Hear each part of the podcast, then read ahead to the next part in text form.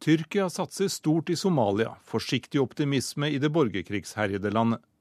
EU ber Kina om økonomisk hjelp, men kineserne driver ikke veldedighet.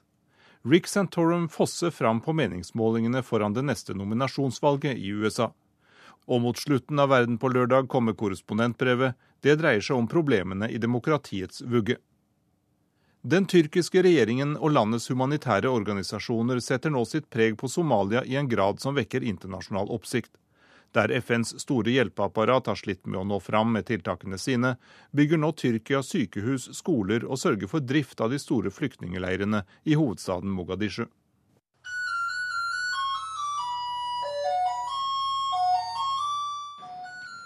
Det ringer inn på Mogadishus nyeste undervisningstilbud for gutter i 12- til 18-årsalderen. Vi er på internatskolen som en tyrkisk hjelpeorganisasjon har etablert i en gammel herskapsbolig for 150 elever i Somalias krigsherjede hovedstad. Her skorter det verken på mat, rent sengetøy eller undervisningsmateriell. Splitter nye datamaskiner med språkprogrammer er standard i klasserommene. I'm Jordan. Pleased to meet you, Jordan. My name's Cindy Gaskell. Nice to meet you too, Cindy. Mohammed Ali Alpri er rektor på den nye tyrkiske skolen, og er stolt av den ukentlige læreplanen elevene har i språk. We are uh, teaching them 16 hours English, 12 hours Turkish language, 10 hours Arabic language. So, Vi har 16 timer med engelskundervisning, 12 timer der de lærer tyrkisk, og 12 timer med arabisk, sier han. Og det har vist seg at de kan snakke tyrkisk seg imellom allerede etter tre måneder.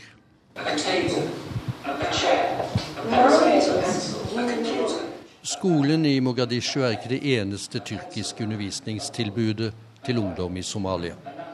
Siden i fjor sommer er ikke mindre enn 1200 elever fløyet ut for å gå på universiteter eller videregående skoler i Tyrkia. Det er en massiv bistand på undervisningsfronten somalierne er vitne til. Og den kommer til å øke, forteller Bila Celik, president i den humanitære NIL-organisasjonen, som står for store deler av tiltakene. For future uh, Somali, this very important, for For Somalias fremtid er denne støtten svært viktig, sier han. Husk at landet har vært uten et skikkelig undervisningssystem i mer enn 20 år. Tyrkia driver nå de fleste av de store leirene for internt fordrevne flyktninger i Mogadishu. Et nytt sykehus skal reises med støtte fra handelsstanden i Istanbul. Mange hundre tyrkiske hjelpearbeidere er i sving, og de synes i bybildet. I motsetning til de få FN-utsendingene som kommer hit. Av sikkerhetsgrunner drar de minst mulig ut av det tungt bevoktede FN-hovedkvarteret nær flyplassen. Og de aller fleste av verdensorganisasjonens ansatte med Somalia som arbeidsfelt holder seg i Kenyas hovedstad Nairobi i stedet. I nabolag som Gigiri, der det er godt og trygt å leve, sier Mogadishus ordfører Mohammed Noor. UN that are, you know, if you go to Nairobi, have you been in Girigiri? Girigiri is the heaven of the earth. Greeny, waterfalls, beautiful sound of birds, uh, beautiful cars with red uh, plates, so many servants cleaning. Gigiri er som en himmel på denne jord. Grønt med fossefall og vakker fuglesang. Flotte biler med røde skilt. Tror du at FN-folkene er villige til å flytte hit til Mogadishu? Nei, de skylder på sikkerheten og blir boende der de er. Uten fysisk å etterlate seg så mye som et sykehus, en klinikk eller en skikkelig skole for alle milliardene som giverland har gitt dem for å hjelpe Somalia, sier han. Denne reportasjen fra Somalia var ved vår Afrikakorrespondent Lars Sigurd Sunnanå. Kjell Magne Bondevik, eh, leder for Oslo-senteret for fred og menneskerettigheter. Du er nettopp tilbake fra eh, Mogadishu, hvor du har møtt eh, de politiske lederne. Hva er ditt inntrykk? Mitt inntrykk er at mange ting går i riktig retning. På tross av at Det smeller bomber med visse mellomrom i Mogadishu, så er likevel sikkerheten høyere enn bare for noen måneder siden. Al Shabaab, den islamistiske militante bevegelsen, er drevet ut av byen. Eh, overgangsregjeringa fungerer, og det er der Oslo-senteret kommer inn med rådgivning. Og de har lagd et veikart hvor sikkerhet, ny grunnlov, eh, forsoning og godt styresett er de fire hoveddelene. Og jeg tror de har gode hensikter, de statsrådene som sitter der nå. Jens Mjaugedal ved Noref, et institutt knyttet til Utenriksdepartementet. Høres ikke dette litt vel optimistisk ut? Jo, det tror jeg kanskje det er litt optimistisk. Det har skjedd en del positive ting, og det har skjedd at sikkerheten i Mogadishu har blitt bedre i den siste tida, ved at Al Shabaab til dels da er ute fra de frontlinjene de hadde før. Men det er for tidlig å si om Al Shabaab egentlig er vesentlig svekka. De har vist stor, stor motstandskraft, og de har vist at de er i stand til å utøve terror slik som før. Og de har gitt den, den kenyanske invasjonen i Sør-Somalia ganske stor motstand. Bondevik, du har blitt bedt om å være med å bygge opp statlige strukturer i altså et land som absolutt ikke har det fra før. Hvordan går det? Nei, Det er å begynne fra bar bakke. Det var jo ministre som kom som hadde levd i diasporaen, altså somaliske miljøer i utlandet. og Da de ble statsråd, de verken hadde kontor og ingen fast stab og knapt en mobiltelefon. Så det bygges fra, bokstavelig talt fra, fra grunnen av. Men regjeringa er i gang. De har ikke noe erfaring med å være regjering, så det er der vi som har erfaring, selv om det er et land med helt andre forhold, har blitt bedt om å komme inn og gi råd. Hvordan organiserer du regjeringsarbeidet? Hvordan bygger du opp gode relasjoner mellom statsråder? Hvordan skaper du kompromiss? Hvordan får du ut politiske resultat, sånn at folk tror på politikk istedenfor på våpen?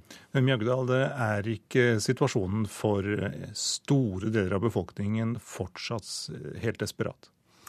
Den er litt mindre desperat nå i og med at det har fått en viss kontroll ved uh, tørkekatastrofen, men det er fortsatt over to millioner folk som er Eh, avhengig av eh, nødhjelp. Så det er den sida av det. Denne regjeringa som heter eh, overgangsregjeringa, den har vært på plass i to år.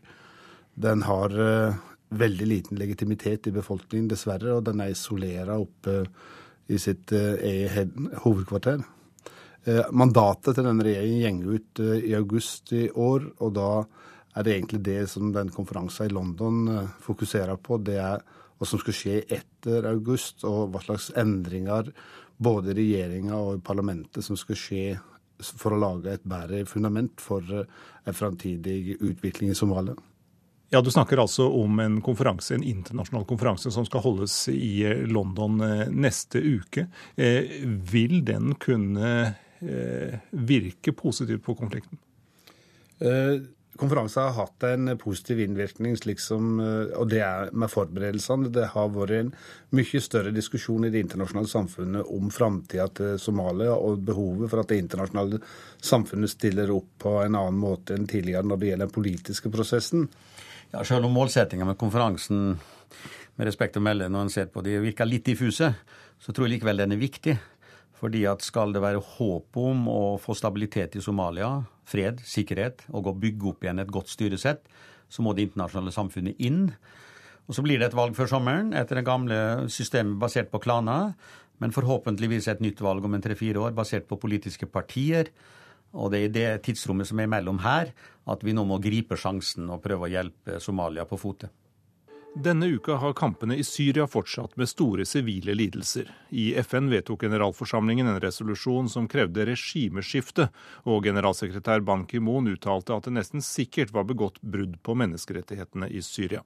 Med støtte fra Russland, Iran og Kina nekter regimet å bøye av, og utlyste til og med en folkeavstemning den 26.2 om en ny og revidert grunnlov.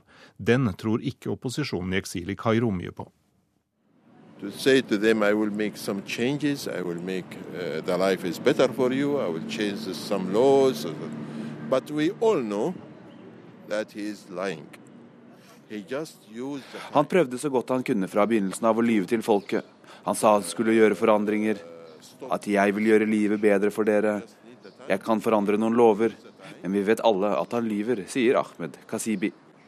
Vi treffer ham i et telt utenfor Den arabiske ligas hovedkvarter i Kairo.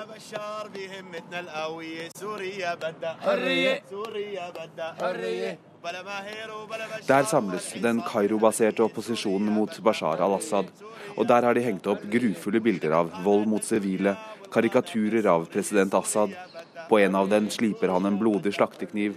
Og i det ene hjørnet har de hengt opp bilder fra massakren i Hama i 1982, da hans far Hafez al-Assad drepte mellom 10 og 20 000 mennesker etter at Det muslimske brorskapet hadde gjort opprør mot hans styre. Det hele er et skrekkabinett over familiens styre. En del av kampen opposisjonen fører for å overbevise den egyptiske befolkningen om deres sak, sier Kasibi. الشعب المصري على حالة الثورة السورية ولإطلاع الشعب المصري على جرائم النظام القائم ووحشيته I midten står en kopi av klokketårnet i Homs, byen som nå utsettes for et hardt angrep. هذه الساعة التي موجودة في مركز محافظة حمص التي الآن التي هي الآن مركز En annen aktivist, Bilal Ader, forteller at de har satt opp klokketårnet for å vise at Assad har drept mange, mange mennesker på den sentrale plassen i byen.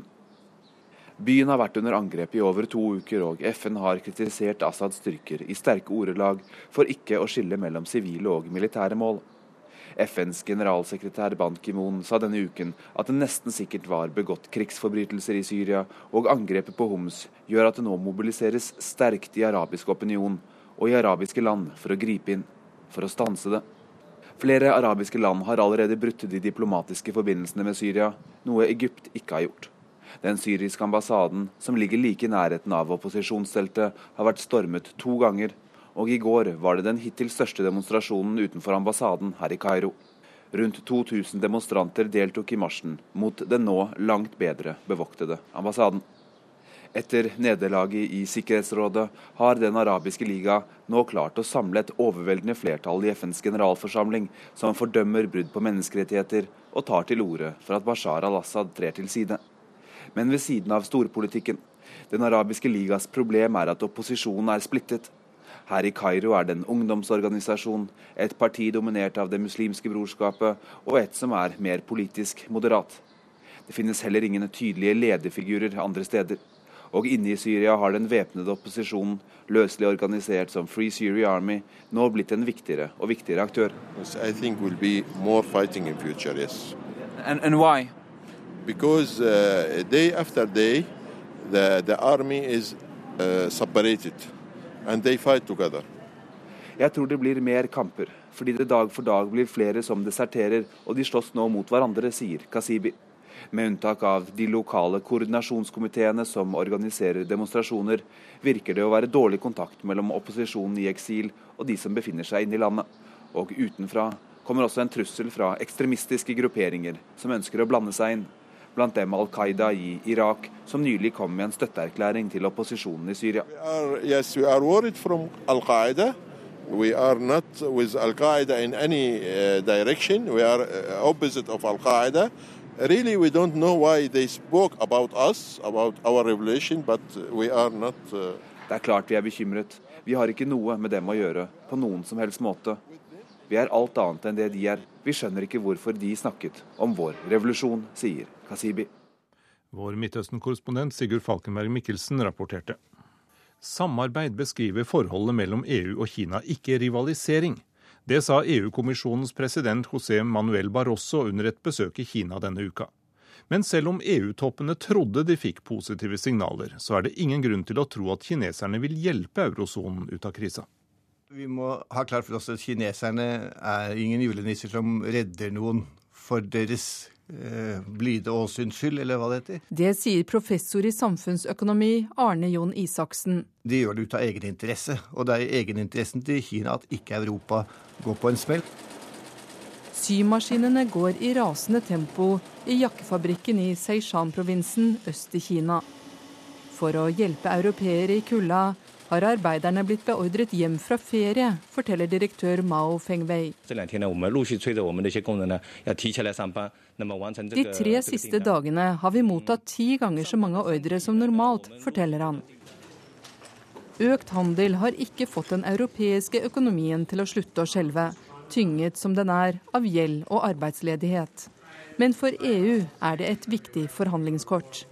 Mr. Prime Minister, we became so interdependent that change in the growth rates in one of the two strategic partners has a direct and palpable impact on the other one. Our economic destinies are interlinked. Vi er så avhengige av hverandre at endret vekst hos den ene påvirker den andre, som et økonomisk skjebnefellesskap, beskrev EU-president Herman van Rompuy det på besøk i Kina. Han er en i rekken av euroledere som har fridd til kineserne for å hindre en økonomisk kollaps.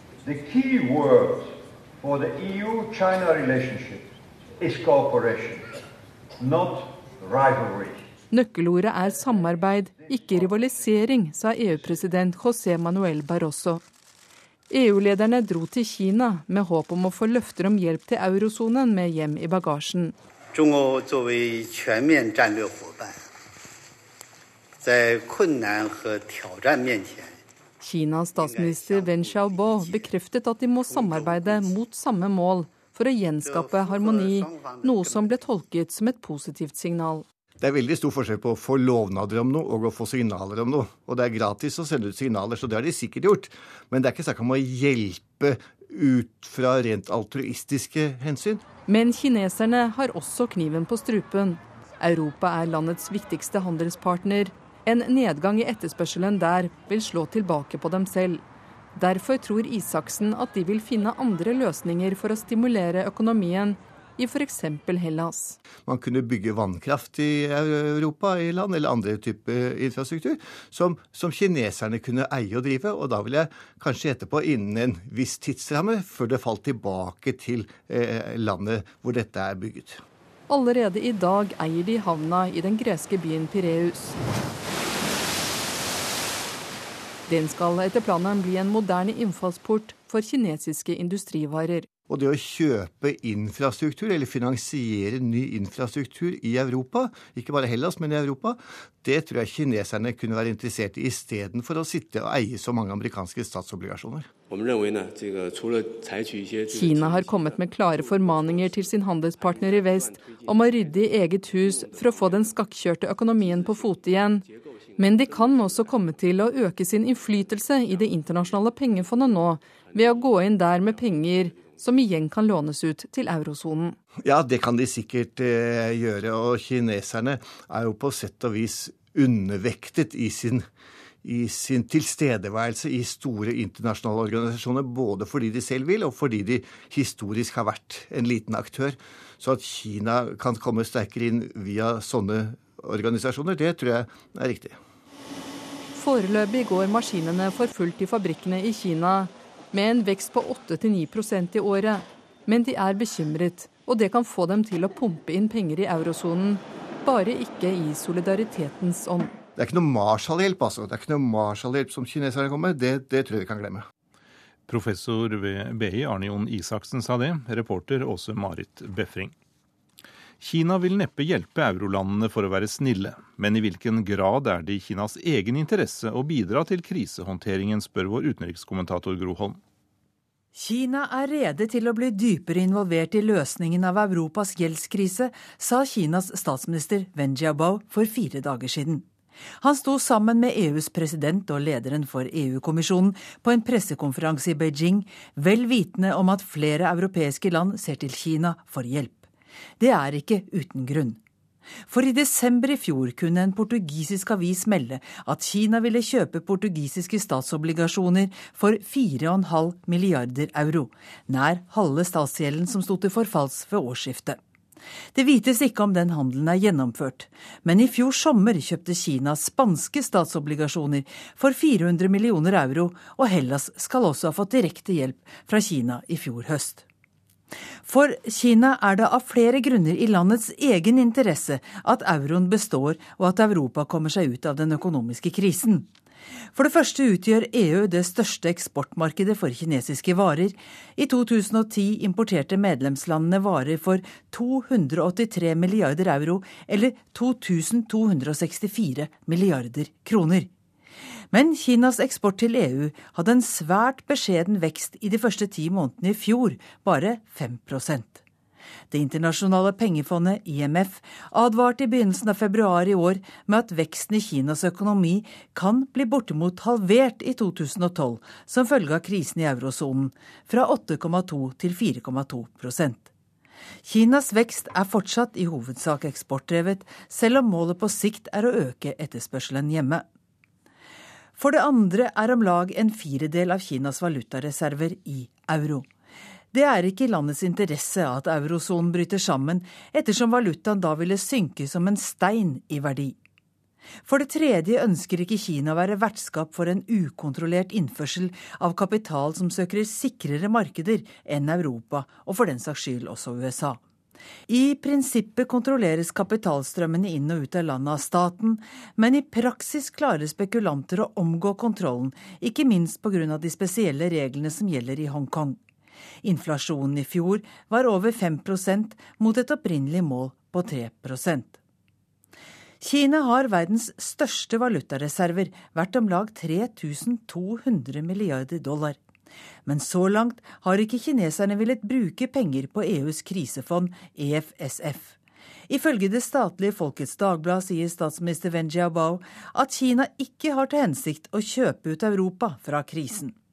Kina har til nå ikke villet forplikte seg på generelt grunnlag, men har altså i praksis vist at landet er villig til å hjelpe enkeltstater der det er i deres interesse.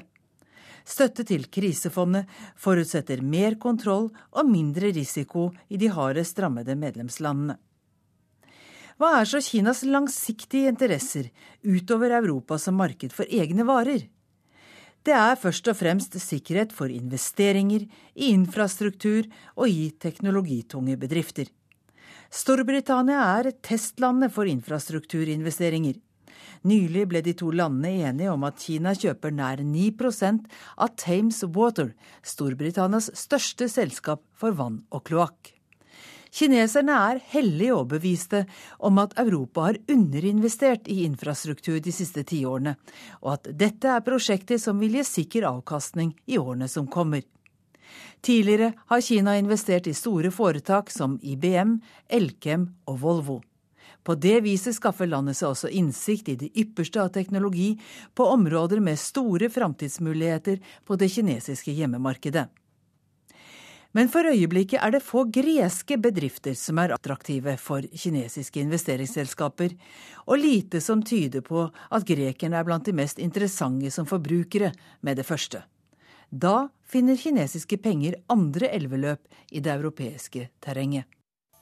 I Venezuela øker spenningen foran høstens presidentvalg. For første gang på mange år har den mektige Hugo Chávez fått en konkurrent som ser ut til å ha en reell sjanse til å ta fra ham makten.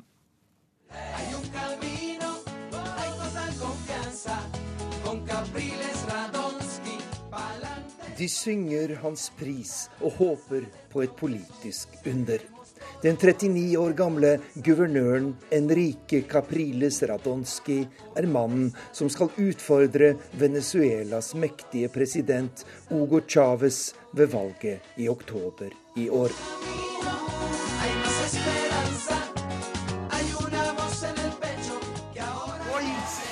ganó el futuro de Venezuela. I dag seiret Venezuelas fremtid, sier Enrique Capriles til begeistrede tilhengere etter at han sist helg ble valgt til presidentkandidat for opposisjonen. Det finnes en vei fremover, en vei som skal forandre Venezuela og gjøre landet vårt til en stor nasjon, sier han.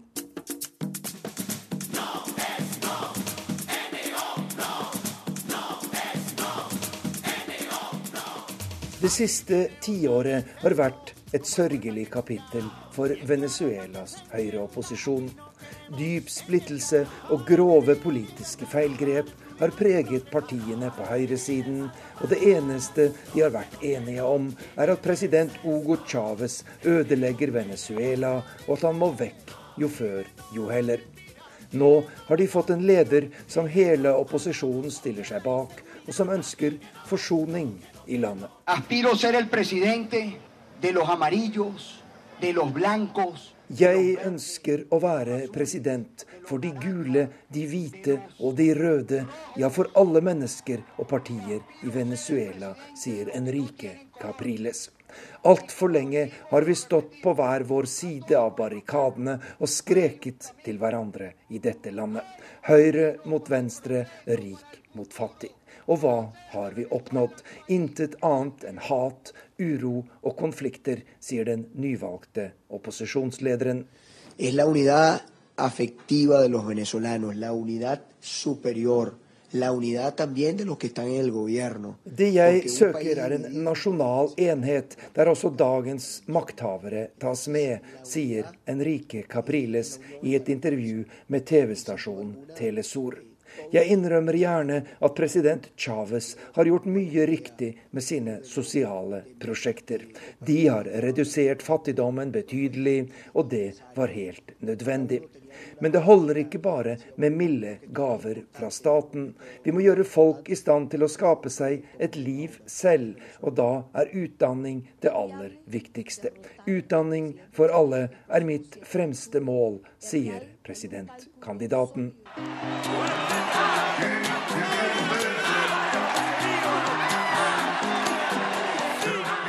Hugo Chávez har styrt Venezuela siden 1999.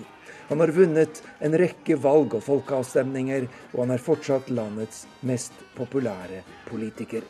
Men hans autoritære lederstil er blitt skarpt kritisert, og økende kriminalitet og korrupsjon har den siste tiden svekket tilliten til ham, også i egne rekker. Men Hugo Chávez og hans sosialistparti har et mektig apparat til rådighet når valgkampen ruller i gang for alvor, og han levner liten tvil om hva han mener om sin hovedmotstander. Qué gobernador tan ridículo. Claro, porque es un burguesito, ¿eh? Él es un burguesito. For en latterlig guvernør han er.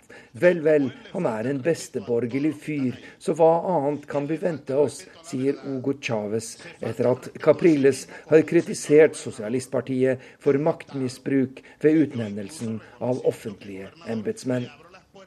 Men presidenten er smertelig klar over at han vil møte en vanskelig motstander ved høstens valg.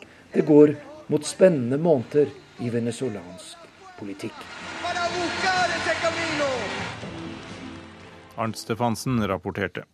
Så skal vi til USA, der Rick Santorum overraskende fosser fram på meningsmålingene foran det neste republikanske nominasjonsvalget i Michigan. Kampen står nå mellom Santorum og Mitt Romney. We're excited to introduce the next president of the United States, Mitt Romney.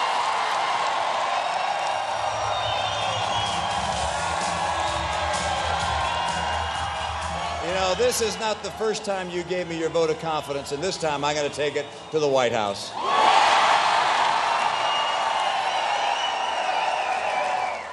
Takk for tilliten. Denne gangen kom jeg inn i Det hvite hus, sier Mitt Romney fra talerstolen etter seieren i Nevada.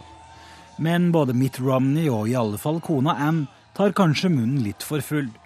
For i racet om å bli republikanernes presidentkandidat fosser hovedmotstander Rick Santorum fram på meningsmålingene. På flere målinger får han 30 oppslutning, og ligger 2% foran Mitt Romney. Begge kandidatene er allerede kommet til Michigan, der det neste slaget skal stå.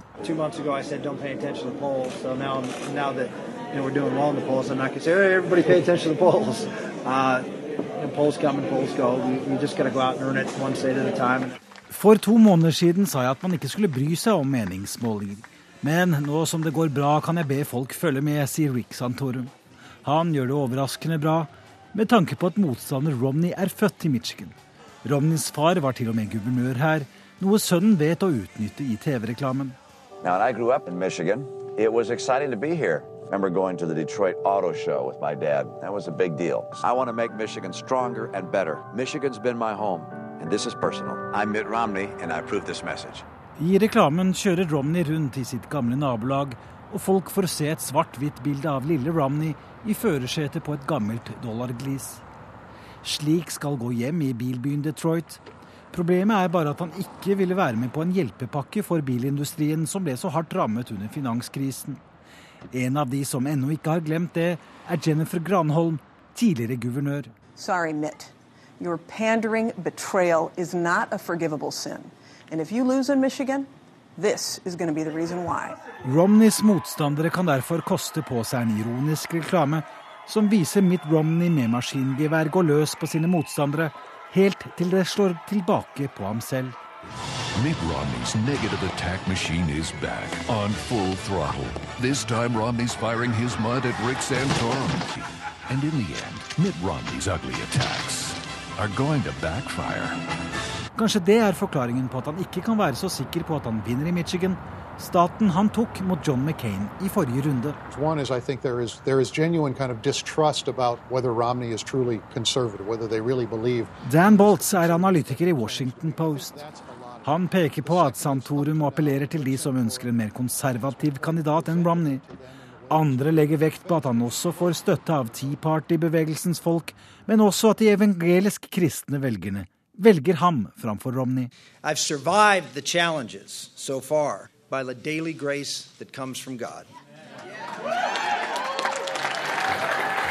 Med Gud på sin side er ikke Rick Santorum mindre selvsikker enn sin erkefiende. Fra 1995 til 2007 var han senator for Pennsylvania, men etter å ha tapt sete i Senatet arbeidet han som advokat. Han har i tillegg vært tilknyttet en kristen-konservativ tankesmie. Også Fox News har hatt glede av ham som kommentator. Og han har markert seg som abortmotstander. What wins? What did you say? Oh, Romney. Okay. Uh, I just didn't hear you. What wins? What wins in America are bold ideas, sharp contrasts, and a plan that includes everyone. And a plan that includes people from all across the economic spectrum. A plan that says we will work together to get America to work. Reporter i dette innslaget, Øyvind Nyborg. Og som vi hørte, er det altså en svært offensiv Rick Santorum som driver valgkamp i Michigan. Og USA-korrespondent Jon Gelius Santorum vant altså tre delstater på samme dag. Hva er det først og fremst som har gitt han denne framgangen? Ja, Han appellerer sterkere og sterkere til de kristenkonservative republikanske velgerne. Han har klart å manøvrere seg i en eh, posisjon til å utfordre den gamle ringreven Newt Gingrich om det å være den mest konservative republikanske kandidaten. Eh, særlig fordi eh, Mitt Romney jo ofte omtales som en mer liberal i sin konservatisme. Og Avisen Washington Post de omtalte jo også Santorum som en Tea Party-fyr før det i hele tatt var en Tea Party-bevegelse. Og vi ser jo nå at det også er den bevegelsen som sier ham støtte. Og sjubarnsfaren han omtaler seg jo også sjøl som en mester av tra tradisjonelle amerikanske verdier. Og han hegner altså om det tradisjonelle familielivet. Og som vi hørte i innslaget, han er mot abort, han er kritisk til prevensjon, han er også kritisk til homofile partnerskap. Eh, hva betyr seirene han har hatt for den videre valgkampen han nå driver? Ja, Det er ingen tvil om at eh, Santorums eh, trippelseier i Missouri, Minnesota og Colorado ble lagt merke til. Og særlig fordi Mitt Romney vant to av disse delstatene for fire år siden i den eh, republikanske kampen mot daværende John McCain. Du må huske også på at Santorum han vant jo knepent i den første delstaten Iowa. Men han fikk aldri feiret den seieren, fordi den da ble tilkjent etterpå. Og nå ble det feiret. Og ikke minst også fordi Santorum opplevde en ny pengestrøm inn til sin kampanje, som gjør at han kan satse mer og fortsette sin kandidatkamp. For denne valgkampen handler jo også om økonomiske muskler. Og der stiller jo mangemillionæren Mitt Romney i en særklasse. Ja, Romney han eh, har vel fortsatt et slags favorittstempel. Det store spørsmålet er altså hvordan eh, vil det gå mellom han og Santorum? Det er ingen tvil om at eh, det at Santorum tok en trippelseier, at det skaket opp det republikanske feltet. Og Det rystet nok særlig Romney-leiren en smule. For det har jo også da ført til at valgkampen blant republikanere har spissa seg ytterligere til. Fortsatt så må jeg jo si at de fleste holder en knapp på Mitt Romney som den som blir Obamas republikanske utfordrer. Men andre peker på at Santorum fremstår mer og mer tydelig og også overbevisende, og at han har vokst i takt med antall delstatsvalg. Om det holder eh, til å vippe nærmest Romney av den republikanske tronen, det er høyst usikkert akkurat, nå. Eh, supertirsdagen i begynnelsen av mars kan kanskje gi et bedre svar. Enkelte, noen få foreløpig, da, de peker allerede nå på at Santorum kanskje kan ende opp med å bli den konservative visepresidentkandidaten for Romney. Hvis du skal tippe på hva som skjer i, i Michigan, hva da? Ja, Michigan er jo nå blitt eh, de siste dagene en mer og mer viktig symbolstat. Fordi eh, altså rett og slett eh, Santorum ligger foran Romney på noen av meningsmålingene, mens andre viser dødt løp. Og Dermed så innebærer det at det brygger opp til en intens valgkampuke i Michigan med masse politisk reklame i radio og TV fra de to kampanjene. Og fram nå til da valgdagen tirsdag 28.2 så er det veldig åpent. Hadde det vært valg i dag, så ville antagelig Santorum ha tatt Michigan. Og det ville vært en solid nesestyver for eh, Romney. Eh, så det blir veldig spennende. Jeg tør ikke å tippe hvem som vinner i Michigan i dag. Takk skal du ha, USA-korrespondent John Gillis. Xi Jinping, mannen som trolig blir Kinas neste leder, var denne uka på besøk i USA. Han snakket hyggelig med president Obama. Men under smilene ligger en økende militær konflikt i Stillehavsregionen mellom Kina og USA. I en tid hvor kineserne bygger kraftig opp sitt forsvar, rapporterer vår Asia-korrespondent Anders Magnus. Du hører bølgene som slår mot land.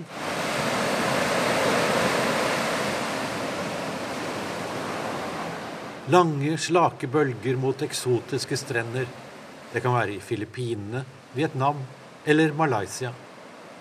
Land som alle har sine kyster ut mot det kineserne kaller Sør-Kina-havet, men som de andre landene har egne navn for.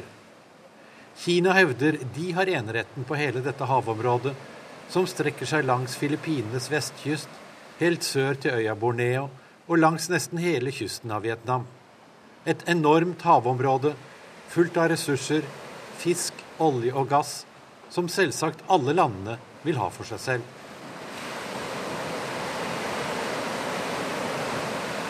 Hør på bølgene igjen. Tenk deg at de slår mot fjæresteinene i Norge, og at noen få kilometer utenfor kysten har et fremmed land trukket en grense på kartet og sier at dette er deres område. F.eks. at Storbritannia krevet hele Nordsjøen som suveren britisk eiendom og trakk sin grense helt inn til kysten av Norge, Danmark, Tyskland og Nederland. Og at de ville forsvare denne grensen med militærmakt. Da hadde det ikke vært noen norsk oljevirksomhet til havs. Vi ville fortsatt ha vært et fattig land langt mot nord hvor det eneste vi hadde nok av, var kulde og dårlig vær. Slik føler særlig Filippinene og Vietnam det akkurat nå. For Kina har sagt at de havområder de regner som sine, skal de forsvare med militær makt. En makt som har økt formidabelt de siste ti årene. Kina har særlig satset på å bygge opp sine marine muskler og er i ferd med å ferdigstille sitt første hangarskip. Samtidig har de utviklet raketter som kan treffe og ødelegge skip som trenger seg inn i det de mener er sitt farvann, f.eks. et amerikansk hangarskip på vei for å markere støtte til allierte, Filippinene eller Vietnam. Det er lenge siden Vietnamkrigen, og Vietnam, som selv er et kommunistdiktatur, har nå vendt seg til USA for å få støtte i sine territorielle disputter med Kina, Vietnams kommunistnabo i nord. USAs president Obama har svart positivt så langt, bl.a. ved å erklære et skifte i strategisk interesse fra Irak og Afghanistan til Stillehavsområdet. Her har man jo også gamle allierte som Sør-Korea, Japan og Taiwan å ta vare på. Hittil har det vært mest munnhuggeri mellom landene. Men i fjor kuttet kinesiske skip letekablene til et norsk fartøy som på oppdrag fra vietnameserne drev seismiske undersøkelser av havbunnen utenfor Vietnam for å finne mulige olje- eller gassområder. Kinesiske krigsskip har også skutt på vietnamesiske fiskebåter i områder Kina regner som sine. Kinas regjering understreker at de vil løse konfliktene med fredelige midler, men både Kinas små naboer i sør og USA må regne med at Kina i framtiden vil utøve makt på en mer kontant måte. Kina bygger seg nå voldsomt opp militært.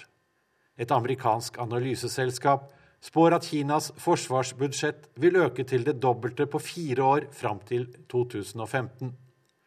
Da er man oppe i utgifter på nesten 1500 milliarder kroner. Sammenlignet med forsvarsbudsjettet til verdens mektigste, USA, er det langt igjen. Amerikanerne budsjetterer i år med over 4000 milliarder kroner, men er nødt til å stramme inn i framtida.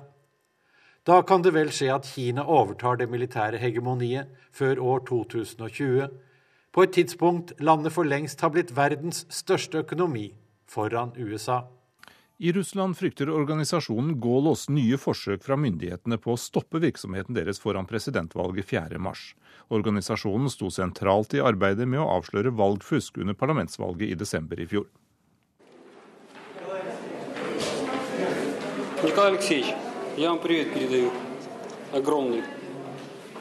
Bildene tatt med mobiltelefon i stemmelokalet 2501 i Moskva var nesten ikke til å tro. Formannen i den lokale valgkommisjonen satt og fylte ut stemmeseddel etter stemmeseddel, og vi kan jo bare gjette hvem som fikk hans stemmer. Parlamentsvalget i Russland i desember 2011 var sikkert ikke det verste i landets historie.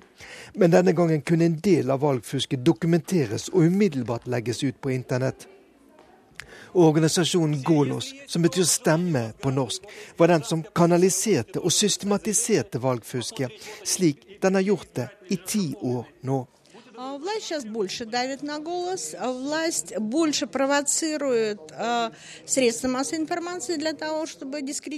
Denne uken var organisasjonsleder Lilja Shabanova på besøk i Oslo. Og hun kan fortelle at Galos etter valget i desember har opplevd stor oppmerksomhet fra myndighetenes side. Nå i begynnelsen av februar fikk vi plutselig beskjed om at strømmen til kontorlokalene våre kan bli kuttet.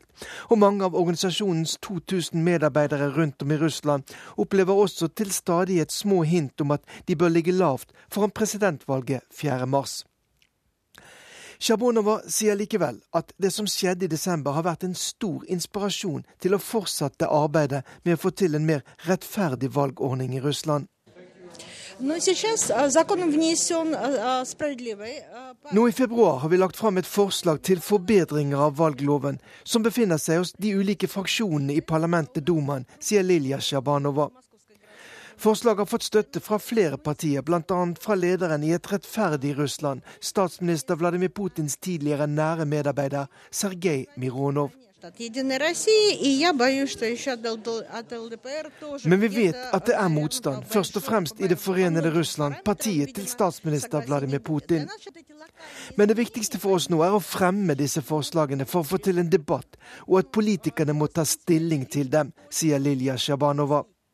Hun var på samme måte som resten av verden forbløffet over omfanget av protestene som har vært i Russland etter parlamentsvalget i desember, og ser for seg flere scenarioer i forbindelse med presidentvalget 4.3. Hvis myndighetene i relativt liten grad kommer til å falsifisere valget og går i dialog om forslagene til valgreformer, så tror jeg det er mulig å unngå konfrontasjon, sier Lilja Sjabanova.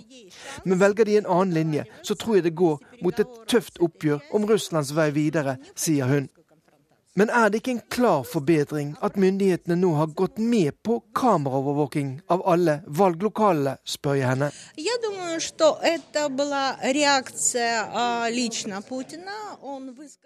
Videoovervåkningen kom etter at Putin selv sa at han ikke var mot dette, sier Lilja Sjabanova. Men problemet er at dette ikke er forankret i lovverket, og ingen vet hvem som får se videoopptakene etter valget, sier hun. Og antyder med dette at hennes organisasjon ikke tror at kameraene vil få bedre kontroll med stemmelokalene i nevneverdig grad.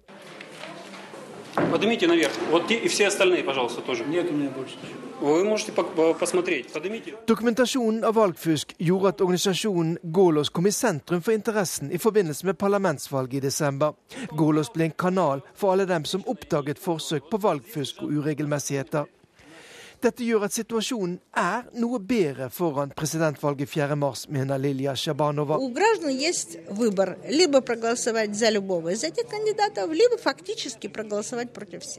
Folk i Russland har et alternativ 4.3, sier Lilja Sjabanova.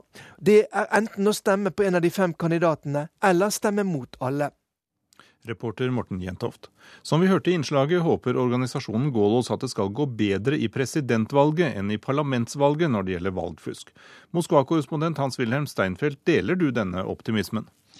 Ja, Fremfor alt så tror jeg vi er nødt til å korrigere litt bildet som ble tegnet av hvordan overvåkningen av valglokalene over 100 000 skal skje. For folk kan nemlig gå inn via internett og sjekke kameraovervåkningen selv. Ehm, men naturligvis, det store problemet er medietyranniet, særlig fjernsynstyranniet til Kreml, som har vært eh, i denne uken ehm, demonstrert veldig kraftig av Vladimir Zjirinovskij og kommunistenes leder Gennadij Zjuganov. Og på mandag skal partiet Rettferdig Russland, ledet av Sergej Mironov, demonstrere foran TV-byen Ostankina mot en voldsom overdekning av Vladimir Putin og en veldig klar forfordeling av alle hans motstandere når det gjelder sendetid. Ja, hva er ditt inntrykk? Hvordan oppleves valgkampen fra opposisjonens ståsted? Opposisjonen eh, har begynt å fokusere mer på dette med at det kjøres en veritabel Putin-propaganda på alle de føderale TV-kanalene, mer enn snakk om valgfusk. Fordi denne eh, online videoovervåkningen setter jo folk naturligvis et visst håp til. Og det er derfor eh, pendelen har svingt mer i retning mot denne eh, styrte og kontrollerte fjernsynspolitikken. Ungdom ser ikke så mye på fjernsyn. de er går på internett. Men det er klart at den store velgermassen er veldig avhengig av de føderale TV-kanalenes dekning av valgkampen for sin meningsdannelse foran valget. Eh, det er vel ikke så veldig mye penger å hente på et veddemål om at eh, Putin vinner etter presidentvalget? Nei, 78 av russerne tror at Putin vinner, uavhengig av om de stemmer på mann eller ikke. Eh, meningsmålingene for ham personlig svinger mellom 47 og 52% Han får lite mindre støtte i hjembyen St. Petersburg og i Moskva. Men hvis det blir lav valgdeltakelse, og mye kan tyde på det fordi folk ser løpet som kjørt, da kan Putin få så mye som 58% av de avgitte stemmene, og da vinner han i første valgomgang. Skulle Putin derimot ikke vinne, så er allikevel disse motkandidatene mot ham så ulike. Nasjonalisten Sjirinovskij og eh, kommunisten Sjuganov ligger best an etter Putin. Men det er helt utelukket at opposisjonen i en annen valgomgang skulle klare å samle seg om én kandidat, for så å si å prøve å ta storm på Putin. I dag mangler opposisjonen en Jeltsin-figur, som opposisjonen hadde for 21 eh, år siden, da Mikhail Gorbatsjov mistet makten til Boris Jeltsin. Eh, russerne har altså protestert i høst og vinter, men hvorfor er det så vanskelig å få en kritisk masse ute i gatene, altså så mange at landets ledelse er tvunget til å ta hensyn til dem? Fordi folk er apatiske, folk er frustrert. Det har vært eh, tolv år med Putin enten som president eller som statsminister. Og det ligger jo fremdeles i russisk mentalitet å stemme på makten etter 74 år med sovjetdiktatur.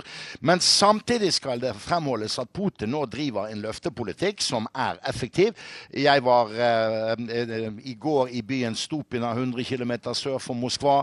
Bare det at Putin har lovt 50 000 nye boliger boliger i det strøket gjør at folk massivt støtter Putin, til tross for at tandemet Putin-Medvedev i 2008 lovet å bygge en million nye leiligheter per år. Det er stor bolignød i Russland.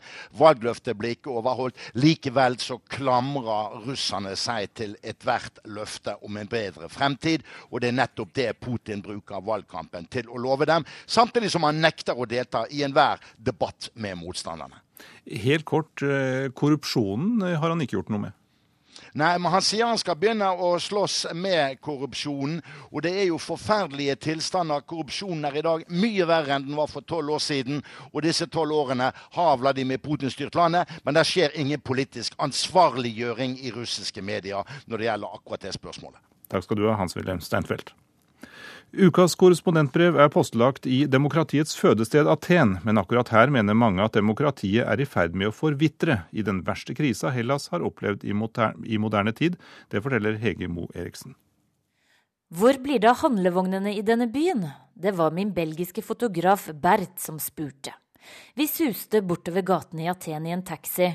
Gjennom vinduene så vi flere steder mennesker trillende på handlevogner med eiendelene slengt oppi. Noen ting er sikre tegn. Noen ting forteller mer om et land enn all verdens akademiske analyser. Stjålne handlevogner er et slikt tegn. På et samfunn i oppløsning, et samfunn i krise, Et samfunn hvor du tyr til å stjele en handlevogn fra et supermarked når du har mistet alt annet. Det var noen måneder siden jeg hadde vært i Aten, men både fotograf Bert og jeg skjønte straks at det ikke var blitt noe bedre siden sist. Rett før vi kom, hadde den greske hovedstaden stått i brann. Over 40 bygninger var blitt satt fyr på, Steinene hadde regnet over Syntagmaplassen foran parlamentet, før tåregassen la seg som et teppe over demonstranter, pressefolk og andre. Et helt folk reiste seg mot sparepolitikken, med 100 000 mennesker i gatene. Det luktet fortsatt svidd da vi tuslet rundt i byen i dagslys dagen etter. Fra ruinene steg det opp en grå røyksøyle. Det singlet i glass under skoene våre, et digert krater var sprengt ut midt i en gammel kino, og forvridd armering vrengte seg ut som innvoller i et sår. Jeg grep fatt i en dame som sto og ristet misfornøyd på hodet. Vi står midt i Atens historie i denne gamle bydelen, og se hvordan vandalene har ødelagt den, sa damen mens ansiktet hennes fordreide seg, hun begynte å gråte. Maria Papadopolo var tidligere ingeniør og hadde fått kuttet pensjonen sin med 50% Det gjorde egentlig ikke så mye, for hun hadde en høy pensjon på over 2000 euro, nær 20 000 kroner i måneden. Problemet til Maria var at pensjonen også betalte for hennes tre voksne arbeidsledige barn og deres barnebarn. Hun spyttet sin bitterhet utover landets politikere og EU. Det er deres skyld. De har tatt pengene våre. Jeg har jobbet i 36 år. Jeg har betalt all min skatt. Det er ikke bare det greske folket som føler seg tråkket på. Sett fra Aten har den siste måneden vært en ydmykende affære for landets teknokratledede regjering. Den stolte nasjonen føler seg tvunget i kne. Etter to år med smertefulle kutt og innstramminger krever EU at Hellas kutter mer og Hellas svinger lydig sparekniven på ny over lønninger, pensjoner og helseutgifter. Men hver gang finansminister Evangelos Venizelos kommer til Brussel slik en elev står skolerett på eksamen, blir han sendt hjem med beskjed om å gjøre hjemmeleksa bedre. Demokratiet dør på sitt fødested, tvitret forfatteren Naomi Klein denne uken og utenfor regjeringskontorene i Aten ulmer raseriet over en maktelite som har plyndret statskassen gjennom flere årtier, og et EU som dikterer sparepolitikken. Krisa i Europa har vekket gamle spøkelser til live. I greske aviser tegnes forbundskansler Angela Merkel iført naziuniform, med kommentarer om at Hellas på ny er okkupert av Tyskland. Ikke siden vinteren 1941 og 1942 har suppekjøkkenene vært en del av Aten. Den gangen sultet 100 000 mennesker i hjel. Nå setter suppekjøkkenene atter en gang sitt preg på den greske hovedstaden. Også nå mener grekerne at tyskerne har utsatt dem for en langsom død. Forleden ble det tyske flagget brent på Syntagmaplassen i sentrum av Aten. Et steinkast unna denne plassen treffer jeg den konservative politikeren Dimitris Stamatis. En gråhåret mann med et mildt uttrykk i ansiktet. Vi drikker kaffe på kontoret hans. Folkevalgte Stamatis tar seg god tid. Landets gjeldskrise har brått blitt hans eget politiske endelikt. Da han søndag valgte å stemme mot regjeringens sparepakke, svarte partiet han har tilhørt i over 30 år, det konservative Ny Demokrati, med å kaste ham på dør. Skuffet og forrådt viser han oss bilder av sin tidligere venn, partileder Samaras, mannen som spås å bli landets neste statsminister.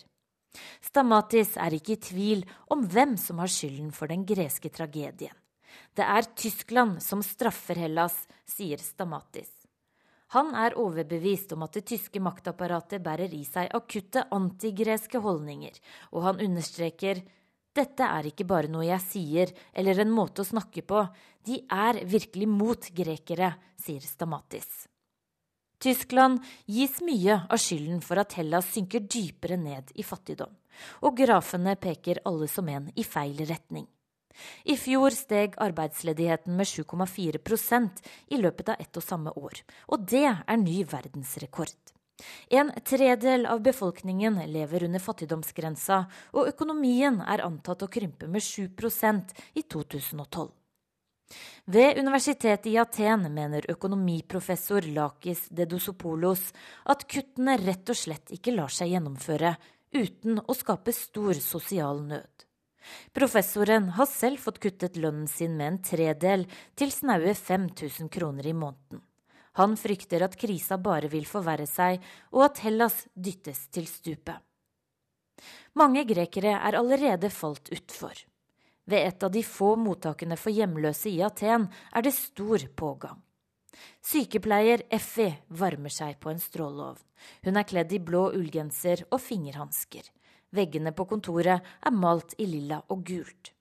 Effie forteller om 25% økning av mennesker som mister jobbene sine, og som ender opp på gata.